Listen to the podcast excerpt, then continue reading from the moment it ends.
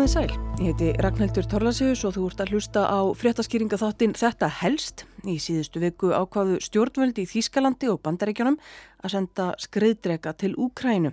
Það er fleiri ríki að gera og er sagt geta haft mikil áhrif á stríðsreksturinn Og þetta hafa nú flestir heyrt og þarf við að rekja í lengra máli en núna er eins og við þurfum að vita alls kynsum vopn og hernað til þess að geta fylst með því sem að er að gerast í Ukrænu eða því sem að verðist vera í uppsiklingu í Ukrænu.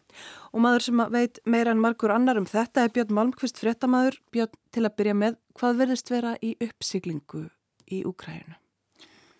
Það verðist vera sóknarækjariður í uppsýklingu. Mm. Þa, það er svona það sem að flestir sjá fyrir sér á næstu já, vikum og mánuðum.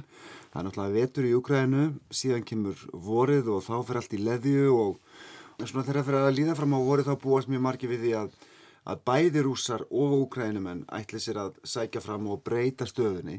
Við skulum, við skulum hafa það í huga. Það er búin að vera að mestu leiti kyrstöðuhernaður í Júkræðinu síðustu mánuðina svona kannski síðan í september, óttúber þegar að úkrænumenn gerðu þarna liftursókn í, í héræðinu í norð-östur hluta landsins í kringum Kharkiv mm -hmm. og röktu þar rúsa tilbaka 20 ef ekki 100 kilometra á mjög skömmum tíma. Liftursókn Úkrænuhers síðustu daga hefur gengið betur en jáfnvel Úkrænu stjórn þorði að vona. Það sem gerist næst var uh, í november þegar rússar yfirgáfu Hersson borgina. Varnarmálar á þeirra rússa, Sergei Sjóku, fyrirskipað í dag rúsneskum hermönum að yfirgefa borgina Hersson í söðurhluta Úkrænum. Síðan þá hefur viglínan mjög lítið breyst. Hún mm. liggur þarna svona frá norð-östri og til suðöstus og, og svona meðfram suðuströnd Úkrænu og þessi búið að vera kistuðhernaður skotgrafahernaður, senur sem að, svona, sem að minna á lýsingar og myndir úr, úr fyrir heimstyrjöld. Not the Somme but Donetsk. Not 1916 but now in the 21st century.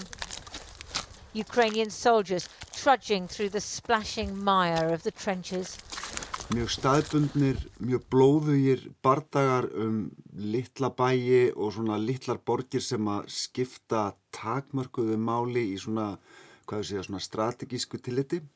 Þannig að, að það er nokkuð ljóst að það mun eitthvað gerast, það verða sóknur aðgerðir á næstu vikum og mánuðum, hvað gerist, menn, svona, menn greinir á um svona, hvað er líklegast að gerist En, en svona einu möguleg sviðsmynd er til dæmis að Ukrænumenn muni sækja yfir annað nýbró uh, og í áttina að Krímskaganum. Mm. Krímskagin er svolítið svona heilaga gral bæði í huga Ukrænumanna og rúsa. Já, en um, það er búið að tala svo mikið um þessa skriðdrega núna undan fann að daga. Hvaða máli skipta þessi skriðdregar í þessu samengi? Sko þeir breyta ekki öllu, en þeir breyta miklu. Skriðdregar eru nöðsynlega tæki í bæði varnaraðgerðum en líka í sóknaraðgerðum. Skriðdregar eru þessi tæki sem eru kannski svolítið eins og stálnefin til þess að kýla í gegnum varnalínur danstæðingsins. Gríðarlega öflug, ógnvegjandi tæki, sérstaklega í augum fótgöngulega sem eru á vývellinu. Mm, fá 70 tonna mótið sér á kannski 50 km hraða, 40, 50, 60 km hraða. Nákvæmlega og það verðist eins og ekkert getið stoppað á. Ah. Svona þegar maður, einhvern veginn, þegar hérna svona, svona lýsingar fótgungulega, þú veist, af því að sjá, sjá þessi tæki sko koma brunandi áttina þessir þungvopnaður Eh, með gríðarlega öflugum fallbissum, vélbissum og það er eins og ekkert getur grandaðum. Það, er alltaf, það eru hlutir sem getur grandaðum því þeir eru ekki ósigrandi en að fá svona fylkingu á móti sér er, sko hlýtur að vera alveg hræðilegu upplifun. Mm. Og það, það er mitt málið ekki, þetta, þeir eru notaðir margir saman, þeir koma margir á mótið þér og kýla þannig í gegnum. Nákvæmlega. Þú, Eitt... þú ferð ekkit í 70 skriðdrega. Nei, sko, eitt skriðdregi skiptur ekki öllu máli en týjir þeirra á sama stað, á sama svæði skiptamáli til þess að einmitt að, að brjótast í gegn og, og vinna land sem að, þetta gengur allt með út á sko. Mm. Hins vegar þá skriðdregar kannski sko og nú er ég komin inn í fræði sem að mjög margir eru, eru mun betri í en ég en, en sko við skulum bara svona tala um sko sem að maður hefur svona lesið og fylst með skriðdregar virki ekki einir og sér og þess vegna til dæmis eru sko Vestræðinríki að senda á Úkrænum ekki bara skriðdregar heldur líka sko, breyn vagna Já að því að sko ef við hugsum um sko þessar hernaðarækir þá tala menn mjög gerðan um sko samþættar hernaðarækirðir. Það er að segja þá ert að nota skritrika, þú ert að nota brinnvagna og þú ert að nota fótgöngulið, þú ert að nota stórskotalið og flugherr. Já, og nú langar mig aðeins að stoppa og segja brinnvagnar, þetta eru eins og Þetta er það sem er kallað svona armored vehicle, er það ekki? Þetta eru, íslenska er ekki auðug af hér íð orðum, skulum við segja. Þetta eru svona fyrir manneskjöð sem mig, ef það kemi breynvagn keirandi nú laugavegin, þá myndi ég hugsa, það er skriðdur ekki að koma keirandi á móti mér niður, eða keirandi á móti mér, en þetta er eins og litlir skriðdrekar, eða litlir minni. Þeir eru kannski 40 tonn á meðan að skriðdreki er 70 tonn. Já, og þeir gegna óleikur hlutverki líka. Já, Þa, já. Stóru fallbessunni og vélbessunum brinnvagnar það eru þessir sem geta verið með beltum líka en líka á, bara á hjólum, á dekkjum sem eru kannski frekar sko hugsaðir til þess að flytja fólkgangulega þú veist að komast kannski, hvað veit ég, 8-10 manns inn í þá, aftan. Mm. og, og þeir eru líka vopnaðir og þeir geta líka verið að beltum en þeir eru ekki einn stórir eins og þú segir, þeir eru ekki einn stungir og, og þeir virka sko einmitt í samstarfi við skriðdreika. Þannig að við köllum sérst brinnvagnana, það eru þessir, þeir heita Bradley frá Bandaríkjónum, til dæmis Marder frá Þískalandi, AMX frá, frá Fraklandi, mm. breytar eru líka að senda svona vagna, ég mann rétt að það heita þeir Bulldog, freka gamlir en, en svona hafa virkað vel. Mm og, og svo heita það Sjefaf 90, það eru sænskir svona vagnar. En það eru allavega, Vesturlönd eru að senda tugi upp í 200 ef við vorum, vorum eitthvað að reyna að slá svona tölu á þetta, svona, svona vagna til Ukrænu. Já, mun fleiri heldur en skriðar eitthvað sko. Já, já. Ég myndi segja svona giska á 200-300 þessir svona brinnvagnar sem að, að Ukrænumenn fá.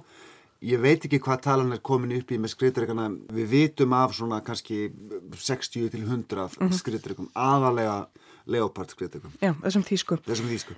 Hitt, stórskotalið, það eru reynlega bara þessar stóru færanlegu fallbissur.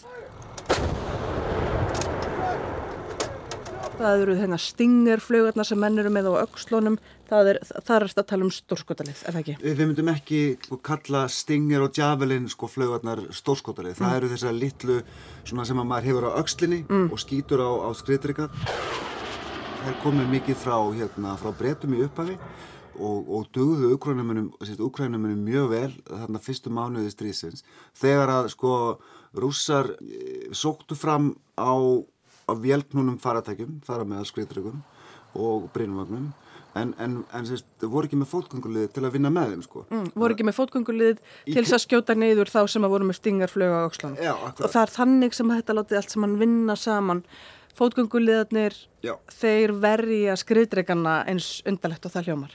Og skriðdregarnir verja fótgöngulegarna. Þetta vinnur allt saman saman. Já. Og þess að úkrænumenn gáttu um tíma komist nála þessum ferðardækjum og skotuð það með litlum flögur sem að maður heldur á aukslinu og skýtur. Já, litlum og en eru samt svona eins og 100 kíló. Þetta er ekki létt, Stórskotulegði þá eru við að tala um þessar stóru, stóru bissur mm. sem eru ímest sko dregnar áfram og svo stilt upp og, og skotið að þeim eða þá að þetta eru í rauninni bissur sem eru bara eins og skriðdregar þetta eru svona beltadrifnar stórskotulegðisbissur. Já, ég meina þetta eru risafallbissur bara. Mjög stóra já. og drífa sko 10-10 kilometra sko. Já, já. Allt þetta vilja úgræðamenn fá, hafa fengið og allt þetta sko vinnur saman í sóknaræðgjörðum. Gleimum því ekki heldur að, að úgræðamenn hæði þeir hafa til þess að fengi skriðdreika alveg fullt aðeim mm. aðalega frá austur-Evrópuríkjunum. Það er að segja gamla rúsneska skriðdreika eins undan eins og það hljómar sem að voru í vopnabúri austantjálsríkjana þegar að Varsjábandalagi var hér, þegar sovjetmenn sko letu sínar vinaþjóðir hafa, hafa fullt af, af skriðdregum sem að svo bara urðu eftir í vopnabúrum þessari ríkja og hafa síðan farið til Úkrænu og hafa komið að góðum notum vegna þess að úkrænskir herrmenn eru líka með svona skriðdrega og kunna á og kunna á það sko. En hér erum við meitt komin að smá vanda í samband við þessi vopn sem að vestrænu þjóðunar eru að afhenda og gefa úkrænumennum þeir eru á gömlu rúsnesku skriðdreikunum. Þeir eru komni með, eða er að fá, Challenger skriðdreika frá Bretum. Þeir eru að fá Leopard skriðdreika frá þjóðverjum. Og fleirum. Og, já, og fleirum. Og svo þessa Abrams skriðdreika frá bandaríkjumannum. Það þarf að læra á þessar fjórar tegundi skriðdreika. Það þarf varahluti Akkurat. í þessar fjórar tegundi Það er þjónustað á, sko. Það þarf að þjónustað á og það er mismunandi eldsneiti eða hvað, þeir eru allir díselknúnir nema þessir bandarísku. Það er rétt. Abrams nota kerosín sem það heitir, það er rauninni bara þóttueldsneti. Já. En Leopardin og Challengerin þeir nota dísel og það er miklu auðveldar að, að afla eldsneti svo þá. En það er rétt sem hún segir, það, það þarf mikla þjónustu í kringum, þú veist, það eru, ég myndi gíska á svona allavega tíu manns sem þarf til þess að, að þjónusta e, þú veist, einhvern hóp af skriðdregum. Þeir rulla sko, á, á 50, 60, 70 km hraða en þeir eru líka fljótur að bila ef eitthvað gerist Já. og þeir eru fljótur að laskast ef, að, ef, ef það er skotið á Og þeir eigða mjög miklu eldsneiti. eða gríðarlega elsneti og sko þegar þú sækir fram með svona velknunum faratækjum þá þarf, þá þarf þjónustu deildin að elda og hérna og sjá um þá. Og það er eitt af því sem að er hvað mikilvægast í hernaði er það ekki að byrða flutningar og svona þjónusta þetta gangi allt saman smurt. Það þýðir ekkit að eiga flottustu skriðdregana og þeir eru komnir ekkert langt út í buskan og, og þeir bila.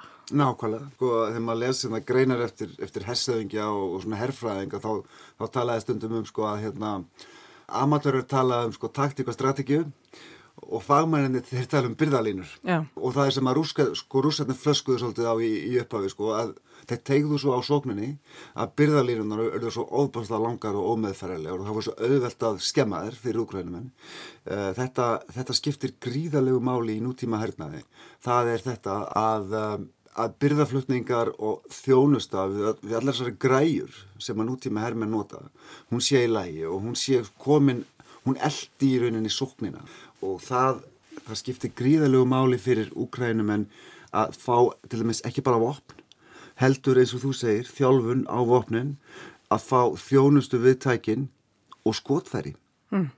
það er orðin skottur á skotfærum í þessu stríði Já. Rússar hafa nýtt þennan vetur til þess að grafa sig niður í orðsins fylstu merkingu. Já, þeir hafa gert það. Þeir hafa grafið varnarlínur, bæði skotgrafir, skriðdryggavarnir og allskins eh, sko, aðrar varnir á landi, til dæmis á svæðinu austur af Nýprófanni í suðaustur hluta Úkrænu, þar sem þeir búast við að Úkrænumenn sæki fram. Þeir hafa líka grafið sér niður í Donetsk og Luganskeraðinu í austur hluta Úkrænu, búast við sókn þar líka. Gleimum því ekki að þeir hafa kvart út um það byrju 300.000 hermenn bara í september, óttubur í fyrra. Þessir hermenn eru ekki nema hluta til komnir á, á vikstöðunar, aðrir eru í þjálfun. Það má búast við því að það fjölgi mjög í herliði þessi drúsa á næstu vikum og mánuðum og þeir séu undirbúa sókn. Eins og við töluðum um aðan, hvað gerist næstu vikurnar? Ég meina, ég talaði við fyrir um yfirhessuðingja bandaríkja þessi í Evrópa um daginn. Hann segir sko að Krímskæin verði augljóst takmark úkrænumanna það sé ekki hægt að halda Úkrænu í reyninni örygri nema þeir nái krímskaðanum frá hinnum bæðirunum séð þá er krímskaðin sko það sem að rúsar held ég vilji síst missa í einhverjum friðaviðræðum sem getur mögulega einhvern tíma nátt sér stað, einhvern tíma í óvistri framtíð.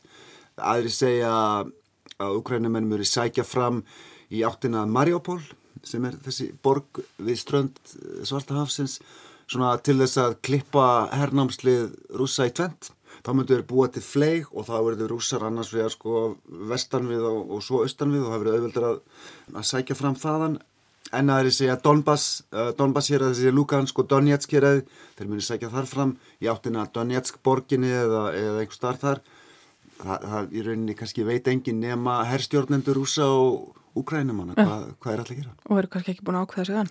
Mögulega ekki, en, en þeir hafa verið góðir sko úkrænumenn í því að, að, að svona ráðast að, að því að við töluðum um byrðalínur. Úkrænumenn hafa verið góðir í því að ráðast að sko byrðalínum og stjórnstöðum sem eru fyrir aftan výlínuna og veikja þannig getur úsa til þess að viðhalda styrk, viðhalda byrðum, viðhalda fluttningum af hersveitum og það er til dæmis ástæðan fyrir því að rússar yfirgáfu Hersson í nóvember. Þeir sáu fram á það, þeir gátt ekki lengur viðhaldi, viðhaldi byrðum þeir urðu að hörfa þaðan. Björn Málkvist, takk fyrir að útskýra þetta fyrir okkur. Ég heiti Ragnhildur Torlasíus og þetta helst í dag fjallaði ég um hernaði í Úkrænu. Þátturinn er aðgengilegur í spilaranum á rúð.is og öllum helstu streymisveitum. Takk fyrir að hlusta. Verðið sæl.